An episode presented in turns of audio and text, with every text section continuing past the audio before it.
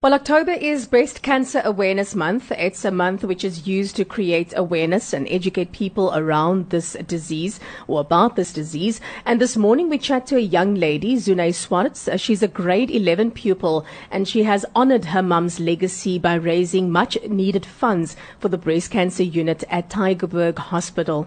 Good morning, Zunay. Welcome to the On Show. Good morning and thank you for having me. It's only a pleasure. Zunay, tell us a bit more about how you have honored your mum's legacy. Well, in 2014, when my mom initiated um, the Love Box project, mm. I was always so honored to see her, her, the way that she did things for other people. And um, by carrying, by doing this Love Box project and by carrying it on without her even being here, is such an amazing thing. Um, I, I always said I want to be like her one day where I help others and I make others feel comfortable in their situations. So mm-hmm. by doing this, I definitely think that her legacy is living on. Mm-hmm. So what are the items that go into the uh, Zonnie's uh, love boxes? Um, so it's the normal necessities like a um, face cloth, a white bar of sensitive soap, toothbrush, toothpaste, a sensitive roll on, a um, packet of Mazina now in a bank packet, preferably. The Mazina is for um, the wounds after mm. the ladies undergo their operation, like their mastectomies. Mm. Um, and then a pair of socks, a stress ball to help with the movement after the operation, um, a note of encouragement, which I think is very important, just to encourage the patients that they have something to read to keep them going and to keep them motivated.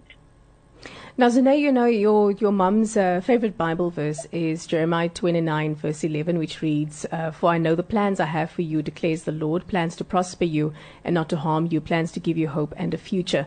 Now, I know that you guys have actually grown uh, with the love boxes um, at this point in time. So, where else are you going to be able to distribute, and what has the general feeling been of those who have received these boxes?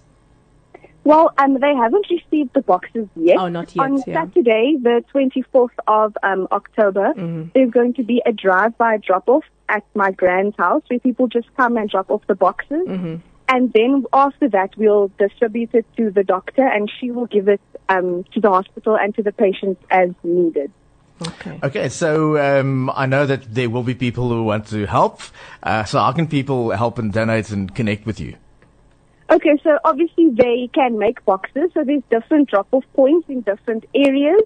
There's drop-off points in Kuils River, in um, Bowel South, in um, Paarl, at the Paarl Hospital, there's also a drop-off point. Mm. Another way to donate, people can go on to www.allmysportsa.com. There they will find um, a page that says Bonnie's Love Box, and then Yesterday we had a run to raise funds for um, the breast cancer clinic, mm-hmm. and they can click on there and donate money, which will go towards the clinic and furniture and things that they need. Amazing. Zunay, thank you so much for joining us this morning. Um, I just have to just say from myself personally, I'm sure my colleague Antonia is thinking the same as well, but you are a very well-spoken grade 11 mm-hmm. um, girl, you so and you, I think you're making your mum proud.